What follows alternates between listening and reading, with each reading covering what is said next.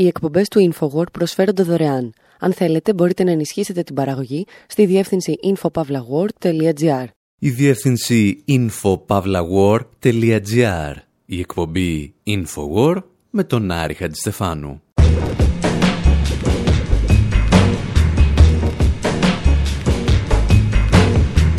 Όπου σήμερα, όπως σας είχαμε υποσχεθεί, σας ταξιδεύουμε μέχρι την Κούβα.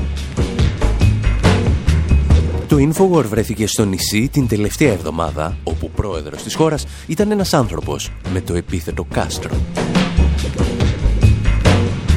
Βρεθήκαμε δίπλα σε ένα ξενοδοχείο γεμάτο τρύπες από σφαίρες, όπου κάποτε έκανε ποδήλατο ο σημερινός πρόεδρος Μιγκουέλ Διaz Κανέλ και λίγο παλαιότερα πολεμούσε ο Τσεγκεβάρα.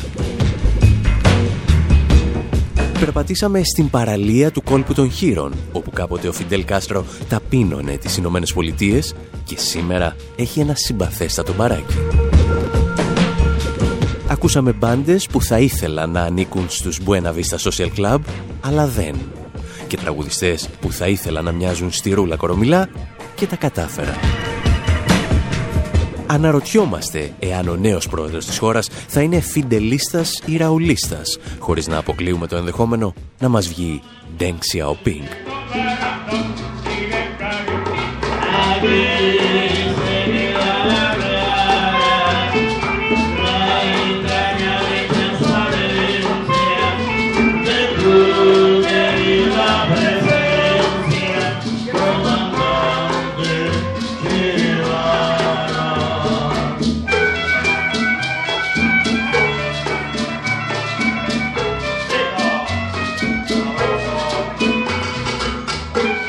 Σε περίπτωση που αναρωτιέστε αν σας φταίει περισσότερο η ηχογράφηση αυτού του τραγουδιού ή η εκτέλεσή του από το συγκρότημα, η απάντηση είναι και τα δύο. Εμείς κάναμε ό,τι μπορούσαμε με τα λιγοστά μέσα ηχογράφησης που είχαμε εκείνη τη στιγμή διαθέσιμα. Και το συγκρότημα όμως, ό,τι μπορούσε έκανε. Βράδυ Παρασκευής στη Λαμαρκεσίνα, ένα καφενείο στην κεντρική πλατεία της Σαντα Κλάρα στην Κούβα. Κάτω από μια τεράστια σημαία με τον Τσεγκεβάρα, το συγκρότημα συναγωνίζεται του Social Vista Social Club μόνο στην ηλικία. Παρ' όλα αυτά, η ατμόσφαιρα είναι μοναδική. Ανάμεσα στους θεατές συναντάς εργάτες από βιοτεχνίες πούρων, φοιτητές, συνταξιούχους και φυσικά πάρα πολλούς τουρίστες. Για να καταλάβεις όμως τη σημερινή κούβα πρέπει να αφουγκραστείς και τα μπάσα που κατακλείζουν το χώρο ανάμεσα στα τραγούδια του συγκροτήματος. Και αυτά τα μπάσα έρχονται από μία άλλη συναυλία στην απέναντι γωνία της πλατείας.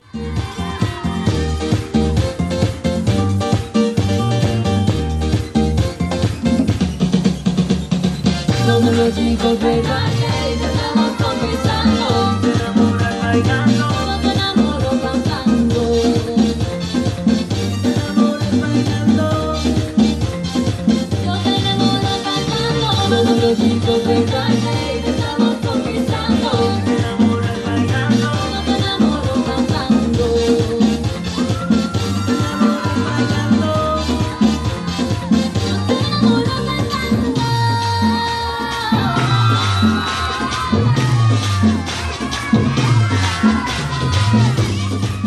εικόνα θυμίζει μεσημεριανάδικο στα χρόνια του πασοκικού εξυγχρονισμού.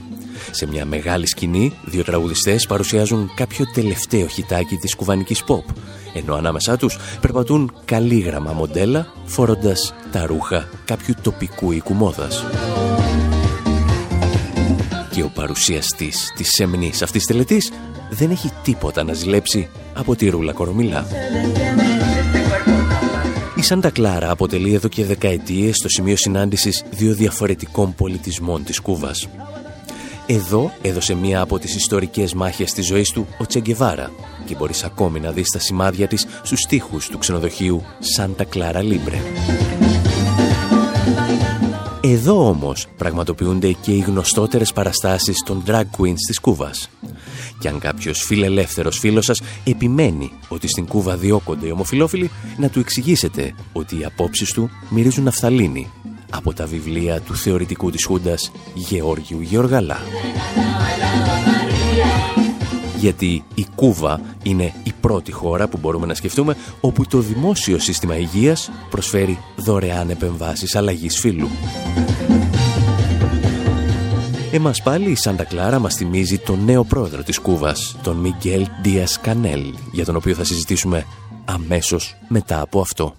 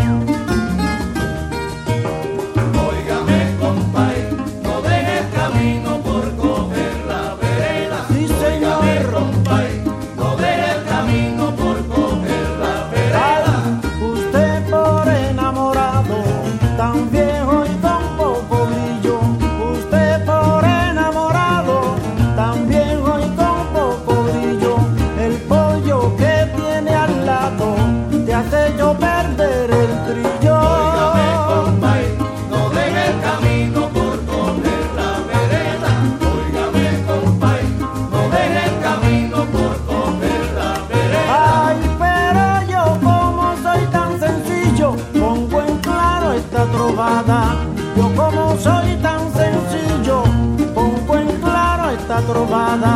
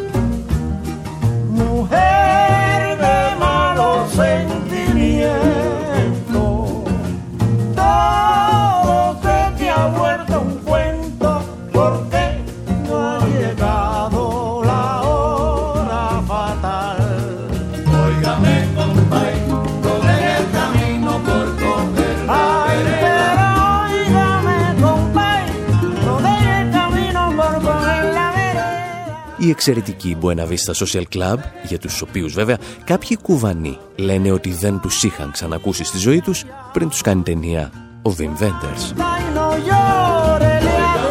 Και πιθανότατα λένε την αλήθεια, γιατί οι Buena Vista Social Club δημιουργήθηκαν την λεγόμενη ειδική περίοδο, στα χρόνια αμέσως μετά την κατάρρευση της Σοβιετικής Ένωσης, όταν η πείνα θέριζε τον πληθυσμό του νησιού και ο κόσμος αφιέρωνε όλη τη δύναμή του στο να εξασφαλίσει το επόμενο πιάτο της ημέρας. Εκείνα τα χρόνια όμως θα κάνει την εμφάνισή του στα πολιτικά πράγματα της χώρας και ο σημερινός πρόεδρος της Κούβας. Στα χρόνια της ειδικής περίοδου, ο Κανέλ ήταν πρώτος γραμματέας της Περιφερειακής Επιτροπής του Κομμουνιστικού Κόμματος στην επαρχία της Βίλα Κλάρα. Ή πιο απλά, ήταν κυβερνήτης της Βίλα Κλάρα. Οι πολιτικοί του φίλοι θυμούνται πως όταν δεν υπήρχαν επαρκή καύσιμα στο νησί, ο Κανέλ καβαλούσε το ποδήλατό του για να πάει στο γραφείο του, στη Σάντα Κλάρα. Οι πολιτικοί του αντίπαλοι πάλι υποστηρίζουν ότι λίγα μέτρα πίσω από το ποδήλατό του τον ακολουθούσε το υπηρεσιακό του αυτοκίνητο. Γεγονός που ίσως τον κάνει ελαφρώς λαϊκιστή. Ο Κανέλ έχει μείνει στο μυαλό αρκετών κατοίκων της Σάντα Κλάρα ως ο νεαρός με τα μακριά μαλλιά που άκουγε ροκ μουσική. Εμείς πάλι είμαστε σχεδόν σίγουροι ότι κατά διαστήματα θα περνούσε με το ποδήλατό του και από το ξενοδοχείο Σάντα Κλάρα Λίμπρε, και όπως κάναμε και εμείς θα τρύπωνε στο θέατρο που βρίσκεται στο πίσω μέρος του κτηρίου για να παρακολουθήσει τις πρόβες κλασικής μουσικής από την φιλαρμονική της πόλης.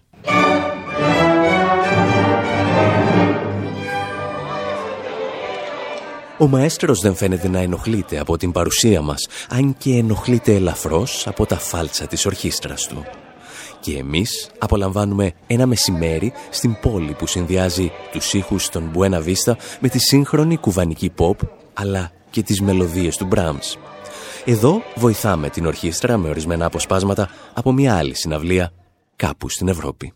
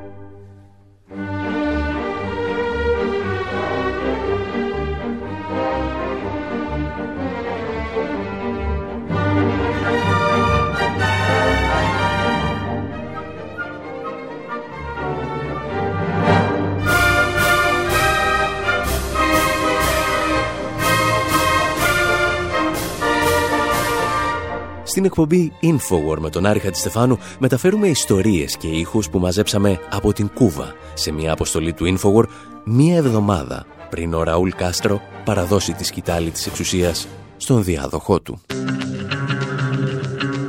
Έχουμε μείνει στο σημείο όπου ο Μιγγέλ Ντίας Κανέλ κέρδισε την αγάπη των κατοίκων της Σάντα Κλάρα και για να το πετύχει αναγκάστηκε σε ορισμένες περιπτώσεις να αμφισβητήσει το πολιτικό αλλά κυρίως το πολιτισμικό στάτους κβό της Κούβας.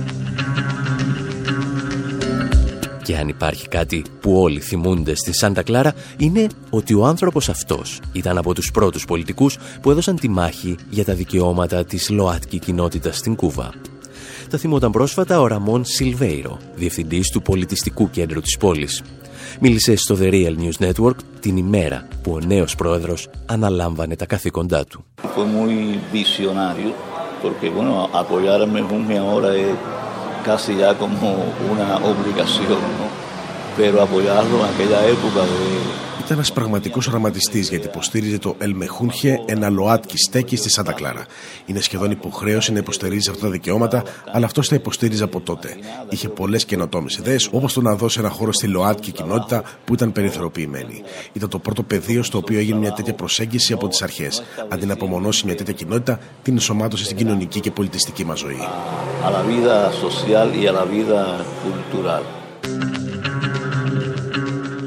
Ο Κανέλ αξίζει σίγουρα συγχαρητήρια για τις προοδευτικές θέσεις του και φαίνεται πως όχι μόνο δεν περιθωριοποιήθηκε, αλλά ανταμείφθηκε για αυτές.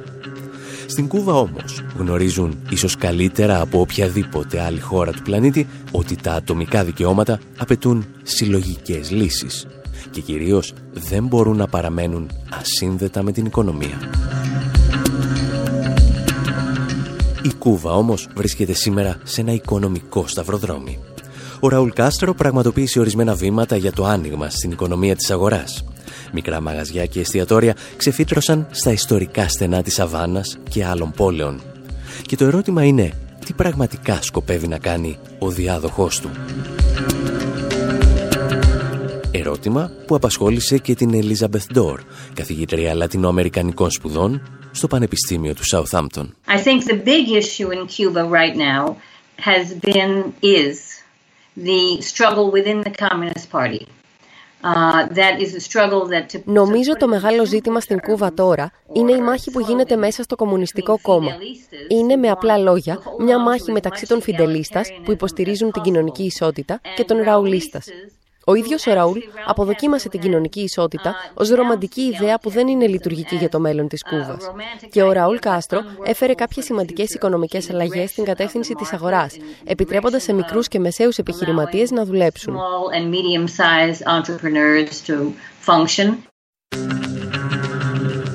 Το άνοιγμα που πραγματοποίησε ο Ραούλ Κάστρο προς την οικονομία της αγοράς έγινε με φιδό και χωρίς να απειληθούν ορισμένα από τα μεγαλύτερα επιτεύγματα της Επανάστασης όπως το πρωτοποριακό σύστημα υγείας και εκπαίδευσης, η δωρεάν στέγαση και πολλά άλλα.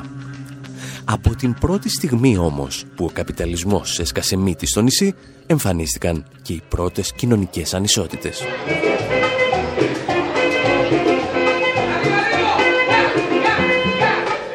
Αρκεί να περπατήσεις για λίγα λεπτά ανάμεσα στα μαγαζιά στο ιστορικό κέντρο της Σαββάνας για να καταλάβεις πως άρχισαν να δημιουργούνται πολίτες με διαφορετικά βαλάντια και συνεπώς πολίτες με διαφορετικές ταχύτητες.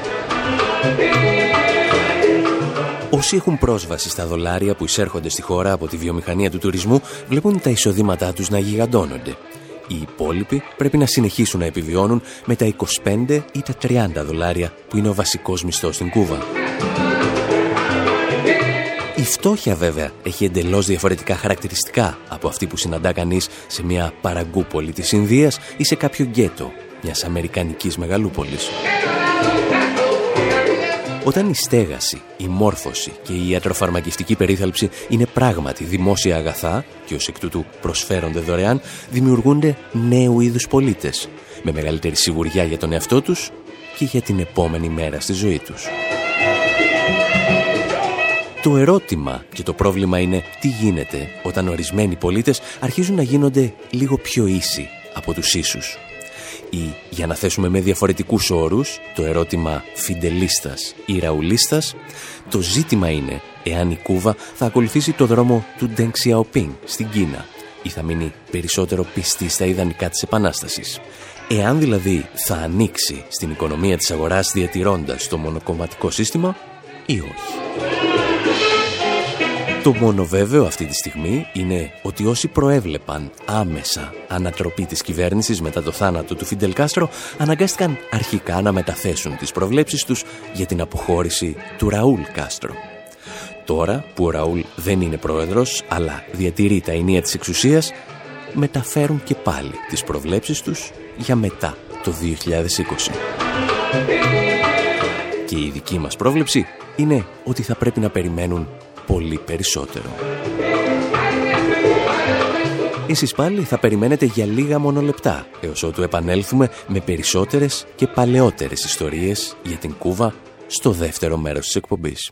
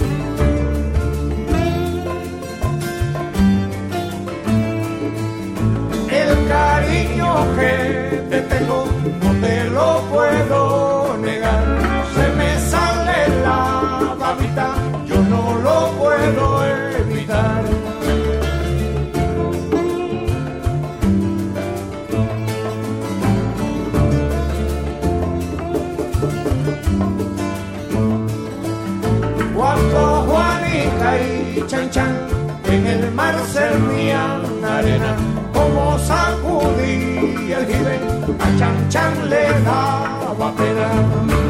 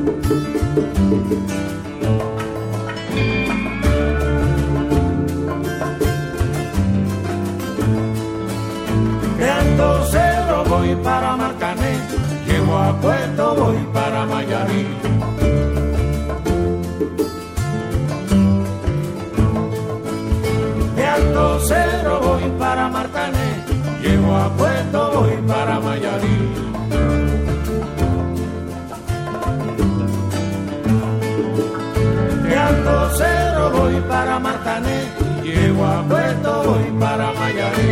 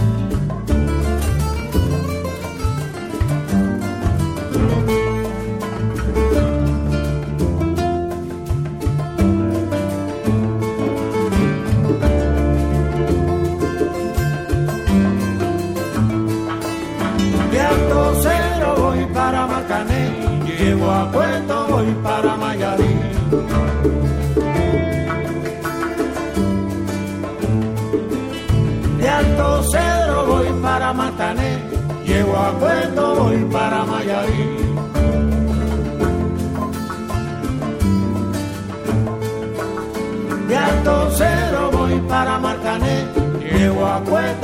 para Mayarí.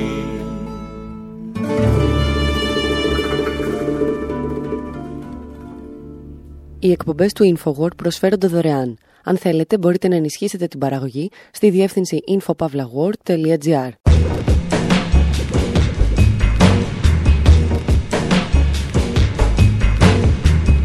Εκπομπή InfoWord, μέρος δεύτερο.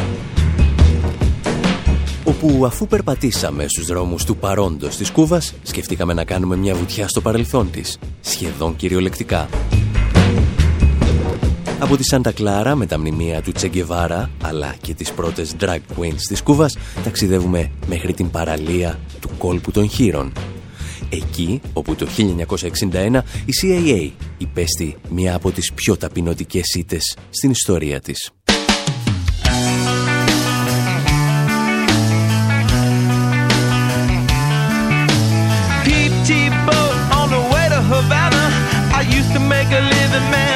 the banana.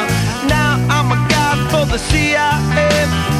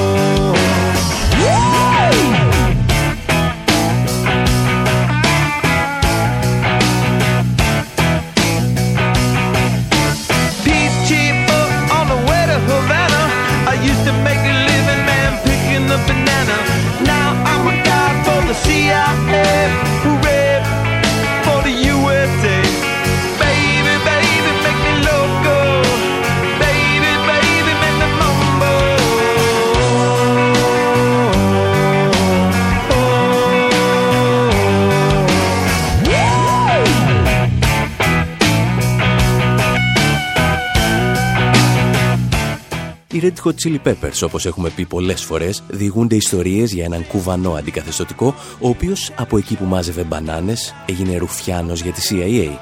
Ιστορίες δηλαδή που διηγούνταν σε πολύ πιο punk ρυθμούς οι Ramones.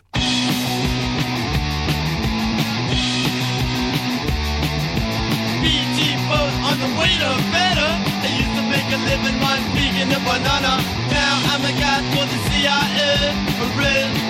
USA. Baby, baby, make me loco. Baby, baby, make me mambo. Είτε με τους Ramones είτε με τους Red Hot Chili Peppers, το τραγούδι μας μιλά για έναν κουβανό που κινείται σε ένα μικρό στρατιωτικό σκάφος περιπολίας των Ηνωμένων Πολιτειών με τελικό προορισμό την Αβάνα. Θα μπορούσε δηλαδή κάλλιστα να περιγράφει την εισβολή κουβανών αντικαθεστωτικών στον κόλπο των Χείρων το 1961. Μια επιχείρηση την οποία είχε διατάξει ο Αμερικανός πρόεδρος John Fitzgerald Kennedy και την οποία ανέλαβε να οργανώσει η CIA και το Αμερικανικό Πεντάγωνο. The assault has begun on the dictatorship of Fidel Castro. Cuban army pilots opened the first phase of organized revolt with bombing raids on three military bases. Το πρόβλημα ήταν πως όταν τα αμερικανικά επίκαιρα άρχισαν να μεταδίδουν τις πρώτες πληροφορίες για την εισβολή στον κόλπο των χείρων, η μάχη είχε ήδη χαθεί. Οι Ηνωμένε Πολιτείες είχαν υποστεί μια από τις πιο ταπεινωτικές ήττες στην ιστορία του 20ου αιώνα. Για την ιστορία στην οργάνωση της επιχείρησης είχε συμμετάσχει και η εταιρεία United Fruit Company, πρόγονος της σημερινής εταιρείας Chiquita. Εκείνη την εποχή η εταιρεία συνεργαζόταν με την πετρελαϊκή εταιρεία Zapata, διευθυντής της οποίας ήταν κάποιος κύριος George Bush, ο άνθρωπος που μεταξύ άλλων θα γίνει αργότερα διευθυντής της CIA και πρόεδρος των Ηνωμένων Πολιτειών. Όλο τυχαίω η εισβολή στον κόλπο των χείρων πραγματοποιήθηκε ακριβώς στο σημείο όπου πραγματοποιούσε έρευνες για πετρέλαιο η εταιρεία Zapata.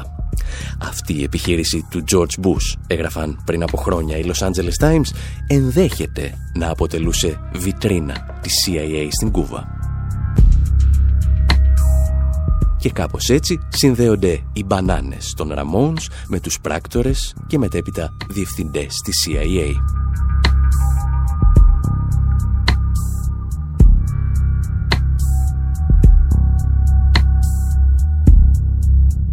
Σήμερα στην παραλία όπου πραγματοποιήθηκε η μεγαλύτερη απόβαση αντικαθεστωτικών στον κόλπο των Χοίρων συναντάς μια οργανωμένη παραλία και ένα συμπαθέστατο μπιτσόμπαρο. Πρέπει να κινηθείς με το αυτοκίνητο μερικά χιλιόμετρα προς την κατεύθυνση της Σαββάνας για να δεις το Μουσείο της Ηρωικής Αντίστασης στην Εισβολή. Ιστορίες για τον Φιντέλ Κάστρο που ηγήθηκε προσωπικά της άμυνας του νησιού, τον Ραούλ Κάστρο αλλά και τον Τσε Γκεβάρα. Οι περισσότερες από τις ηγετικές φυσιογνωμίες εκείνης της μάχης ανέλαβαν σημαντικά καθήκοντα στις επαναστατικές κυβερνήσεις που ακολούθησαν και το μόνο όνομα που λείπει είναι αυτό του σημερινού Προέδρου της Κούβας, Μικουέλ Δίας Κανέλ. Τον Απρίλιο του 1961, όταν ο Κένεντι και η CIA έδιναν το πράσινο φως της επίθεσης, ο Κανέλ γιόρταζε τα πρώτα του γενέθλια. Και έναν χρόνο αργότερα, όταν ο πλανήτης έφτασε κοντά στο οριστικό του τέλος με την κρίση των πυράβλων, αυτός ήταν μόλις δύο ετών. Ο Κανέλ είναι ο πρώτος πρόεδρος της χώρας που δεν πολέμησε στην Επανάσταση. Ενώ όμως ο σημερινός πρόεδρος είχε όλη του τη ζωή για να ακούει ιστορίες από τα άνδραγα θύματα των προκατόχων του, εμείς πρέπει συνεχώς να τα θυμίζουμε στους εαυτούς μας. Γιατί για να καταλάβουμε τη σημερινή Κούβα πρέπει να θυμόμαστε τις σχεδόν έξι δεκαετίες αμερικανικού εμπάργου και τις συνεχείς προσπάθειες ανατροπής των αδερφών Κάστρο. Ιστορίες που ξεκινούν από τη δράση της Αμερικανικής μαφίας στο νησί. Ιστορίες που συχνά διηγούμαστε ξεκινώντας με ένα απόσπασμα από το ντοκιμαντέρ Outfoxed. In the great 1974 film The Godfather 2, στην δεύτερη συνέχεια της περίφημης ταινίας Ο Νονός υπάρχει μια σκηνή στην οποία οι μεγαλύτεροι γκάγκστερ της Αμερικής συγκεντρώνονται σε μια ταράτσα στην Αβάνα της Κούβας. Είναι τα 67 γενέθλια του Ροθ και αυτός δίνει από ένα κομμάτι της τούρτας σε κάθε γκάγκστερ. Λέει, Εσύ Λούι από το Σικάγο θα πάρεις την Κόπα Καμπάνα. Φράγκη θα πάρεις τις Ιερόδουλες. Μοιράζει το νησί σε να είναι και αυτό μια τούρτα. Και καθώς κόβει τα κομμάτια, λέει την εξής φράση. Δεν είναι εκπληκτικό να ζει σε μια χώρα όπου η κυβέρνηση σέβεται την ιδιωτική πρωτοβουλία πρωτοβουλία. Isn't it great to be in a country with a government that respects private enterprise? Όπως ήταν αναμενόμενο, οι αρχηγοί της μαφίας δεν συγχώρεσαν ποτέ στην επαναστατική κυβέρνηση του Φιντελ Κάστρο ότι έκλεισε τα καζίνο και τους οίκους ανοχής που αυτοί είχαν ανοίξει, ξοδεύοντας εκατομμύρια δολάρια βρώμικου χρήματος. Ο Φιντέλ, αμέσως μόλις κατέλαβε την Αβάνα, έστησε το αρχηγείο του στο ξενοδοχείο Χίλτον Και για να αποδείξει στους πρώην ιδιοκτήτες τι γνώμη είχε για τις επενδύσεις τους, άδειασε μερικά φορτηγά με γουρούνια στο πολυτελέστατο λόμπι του ξενοδοχείου Ριβιέρα. Κάποιος έπρεπε λοιπόν να αναλάβει την προστασία των Αμερικανικών επενδύσεων στο νησί. Και δεν ήταν λίγα τα ανώτατα στελέχη των συνδικάτων του εγκλήματος που πίστεψαν ότι αυτός ο κάποιος θα μπορούσε να είναι ο Τζον Κέννεντι. Οι επιτελείς του State Department και της CIA σκαρφίζονταν τις πιο ανόητες επιθέσεις εναντίον του Φιντέλ Κάστρο. Μεταξύ άλλων, σκέφτονταν να τοποθετήσουν εκρηκτικά στα πούρα του και να ρίξουν ουσίες που θα έκαναν το μούσι του να μαδίσει. Ελαφρώς πιο σοβαρός ο Κέννεντι αποφασίζει να μείνει πιστός στην αμερικανική παράδοση των στρατιωτικών εισβολών και διατάσσει τη CIA να προετοιμάσει την περίφημη εισβολή στον κόλπο των χείρων. Και όταν αυτή αποτυγχάνει, ταπεινώνοντας τις αμερικανικές μυστικές υπηρεσίες, ο Κέννεντι δεν θα διστάσει να παίξει ακόμη και το χαρτί του πυρηνικού ολοκαυτώματος. Μια ιστορία την οποία, όπως είχαμε κάνει και παλαιότερα, θα αφήσουμε να μας διηγηθεί αρχικά ο Ιαν Γκίλαν στο τραγούδι Mutual Assured Distraction. Ακούστε το και επιστρέφουμε.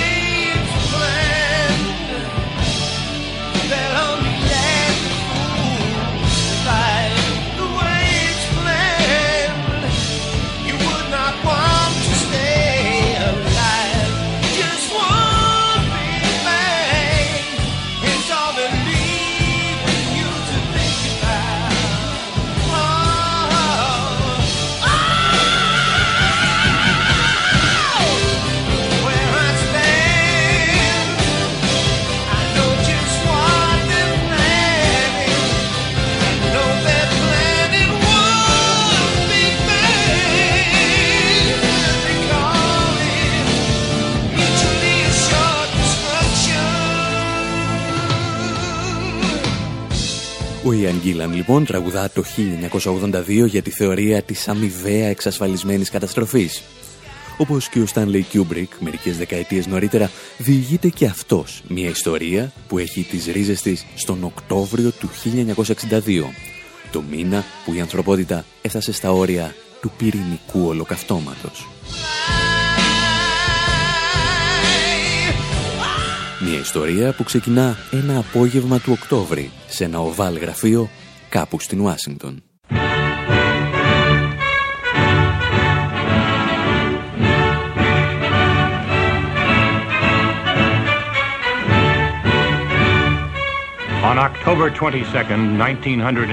Στις 22 Οκτωβρίου του 1962, ο πρόεδρος Τζον Κέννεντι μετέδωσε ένα ειδικό διάγγελμα προς το έθνος από το γραφείο του στο Λευκό Οίκο. Αυτός είναι ο πρόεδρος Κέννεντι, καθώς παρουσιάζει το μήνυμά του για τις πρόσφατες εξελίξεις στην Κούβα.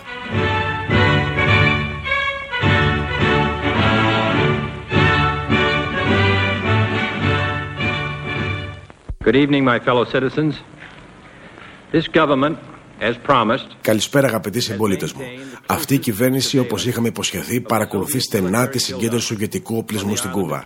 Την τελευταία εβδομάδα, αδιάψευτα στοιχεία μας οδήγησαν στο συμπέρασμα ότι προετοιμάζεται μια σειρά επιθετικών βαλιστικών συστημάτων σε αυτό το αποκλεισμένο νησί.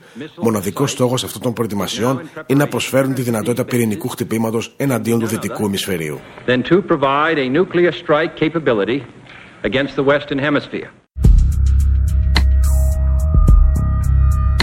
Ο Τζον Φιτζέραλντ Κέννεντι λέει την αλήθεια. Η Σοβιετική Ένωση έχει ήδη προχωρήσει στις εργασίες τοποθέτησης πυράβλων που μπορούν να πλήξουν με πυρηνικές κεφαλές τη Νέα Υόρκη και την Ουάσιγκτον.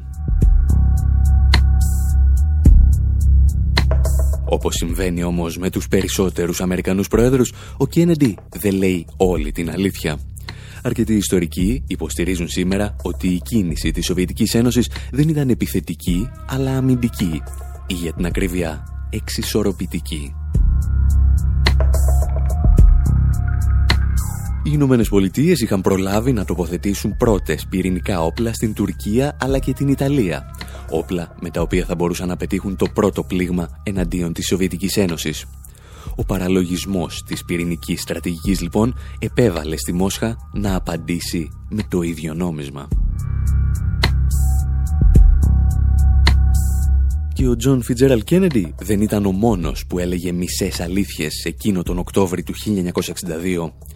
Λίγες εβδομάδες μετά την κρίση των πυραύλων, ο Bob Dylan υποστήριξε ότι εμπνεύστηκε από αυτήν το τραγούδι «A Hard Rain's Gonna Fall», ένα τραγούδι που έμεινε στην ιστορία σαν ο απόλυτος ύμνος του αντιπολεμικού κινήματος για τον κίνδυνο ενός πυρηνικού ολοκαυτώματος. Η ιστορία δεν πολύ συγκράτησε βέβαια ότι ο Bob Dylan ήταν ελαφρώς ψευτρώνη και είχε πρωτοπαρουσιάσει το τραγούδι ένα μήνα πριν από την κρίση των πυράβλων. Και εμείς, για να τον τιμωρήσουμε 50 χρόνια μετά, θα ακούσουμε τη ρέγγια εκτέλεση του τραγουδιού του από τον Jimmy Cliff. Μην ξεχνάτε, σήμερα γιορτάζουμε το ότι δεν γίναμε στάχτη πριν από 5 δεκαετίες.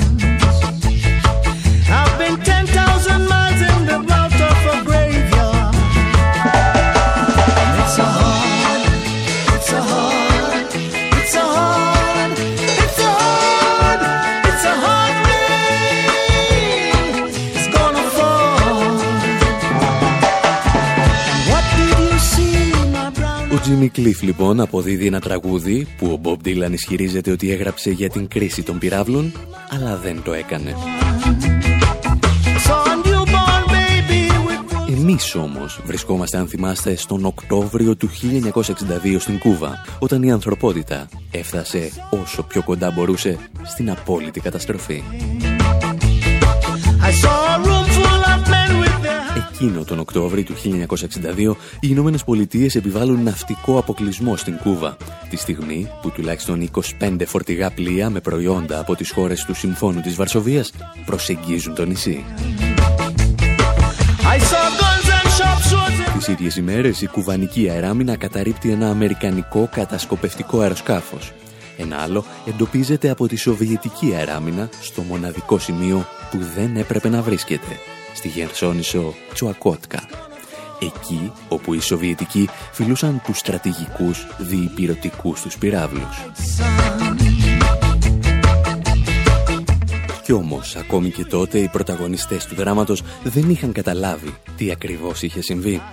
Έπρεπε να περάσουν 40 χρόνια έως τη στιγμή που οι βασικοί παίκτες αυτής της ρωσικής ρουλέτας θα συναντιούνταν για να ανταλλάξουν εμπειρίες και εκτιμήσεις. Και τότε, τον Οκτώβριο του 2002, συνειδητοποίησαν κάτι τρομακτικό.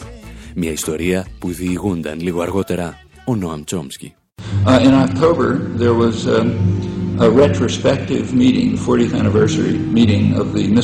τον Οκτώβριο έγινε μια συνάντηση για την επέτειο των 40 χρόνων από την κρίση των πυράβλων. Συμμετείχαν ορισμένοι από τους πρωταγωνιστές της ιστορίας από τις Ηνωμένες Πολιτείες, τη Ρωσία και την Κούβα.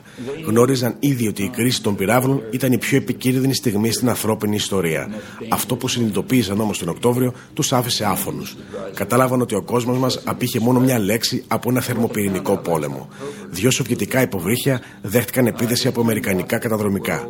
Οι διοικητές των υποβρυχίων νόμιζαν ότι είχε ξεκινήσει πυρηνικός πόλεμος και είχαν στη διάθεσή τους πυρηνικά όπλα για να απαντήσουν. Δύο από τους διοικητές διέταξαν επίθεση. Αυτό θα σήμαινε ότι από τις αντιδράσεις και των δύο πλευρών η Νέα Υόρκη και η Μόσχα θα εξαφανίζονταν σε λίγα λεπτά. Γιατί δεν έγινε αυτό, Γιατί ένας τρίτος διοικητής των υποβρυχίων ακύρωσε την εντολή. Και έτσι σήμερα είμαστε εδώ και μιλάμε. That's why we're around to talk about it. Σε αντίθεση με τους περισσότερους Αμερικανούς αναλυτές, ο Νόαμ Τσόμσκι δεν είχε καμία αμφιβολία για το τι πραγματικά συνέβη εκείνο τον Οκτώβριο του 1962. Σε σειρά από κείμενά του έχει υποστηρίξει ότι οι Ηνωμένες Πολιτείες ήταν αυτές που ξεκίνησαν την παρανοϊκή κλιμάκωση όταν τοποθέτησαν πυρηνικά όπλα στην Ιταλία και την Τουρκία και όπως μάθαμε αργότερα και στην Ελλάδα. Στόχος λοιπόν της κρίσης των πυράβλων ήταν ένας και μοναδικός. Η ανατροπή της επαναστατικής κυβέρνησης του Φιντέλ Κάστρο στην Κούβα. Αυτό τουλάχιστον ισχυρίζεται ο κύριος Τσόμσκι. All of this is extremely timely. Όλα αυτά είναι εξαιρετικά επίκαιρα. Η κρίση των πυράβλων της Κούβας ήταν το αποτέλεσμα μιας διεθνούς εκστρατείας τρομοκρατίας. Μια επιχείρηση την οποία οργάνωσαν οι Ηνωμένες Πολιτείες για να πετύχουν αυτό που σήμερα αποκαλούμε αλλαγή καθεστώτος στην Κούβα. Οι ίδιες ιδέες, τις οποίες βλέπουμε και σήμερα στις εφημερίδες.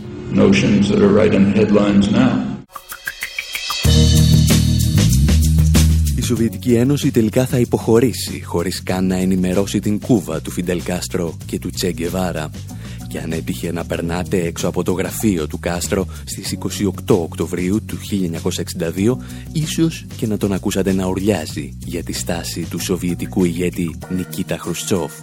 «Νοκοχώνες μαρικών» φώναζε και όσοι μιλάτε ισπανικά θα καταλάβετε ότι δεν ήταν και τόσο ευγενικός. Τις ίδιες ημέρες, οι βρισιές του Φιντέλ εναντίον του Νικίτα γίνονται συνθήματα από χιλιάδες κουβανούς. Ο Τσεγκεβάρα θα γράψει στο ημερολόγιό του ότι είναι το ανατριχιαστικό παράδειγμα ενός λαού που ήταν έτοιμος να αιματοκυλιστεί σε μια πυρηνική επίθεση για την ελευθερία του.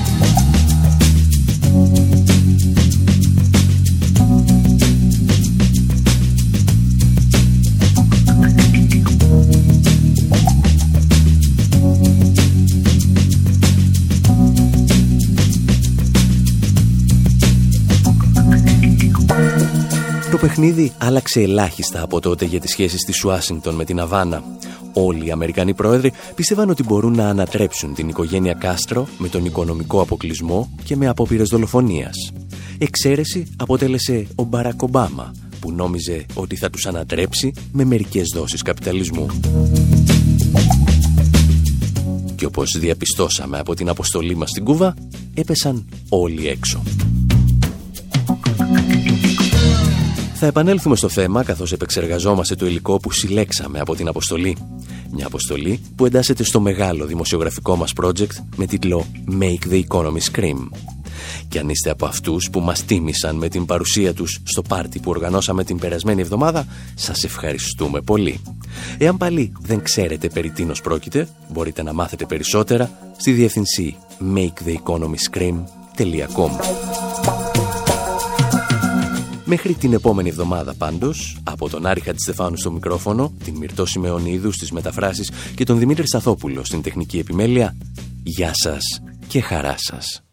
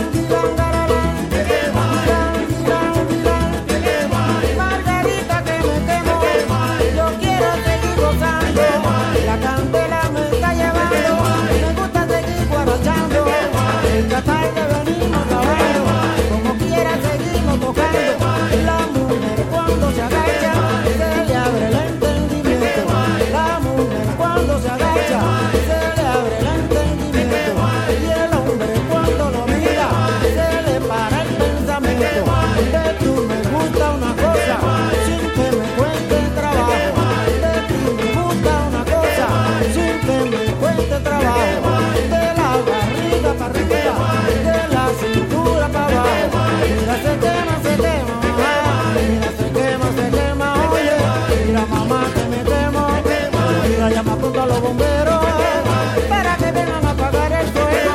Mira que el fuego me está pegando. Y yo quiero seguir guarachando. Mira se quema, vayamos. Mira que son muertas. Mira se quema la. Mira este grito que suena. Mamá, buena tarde, mamá.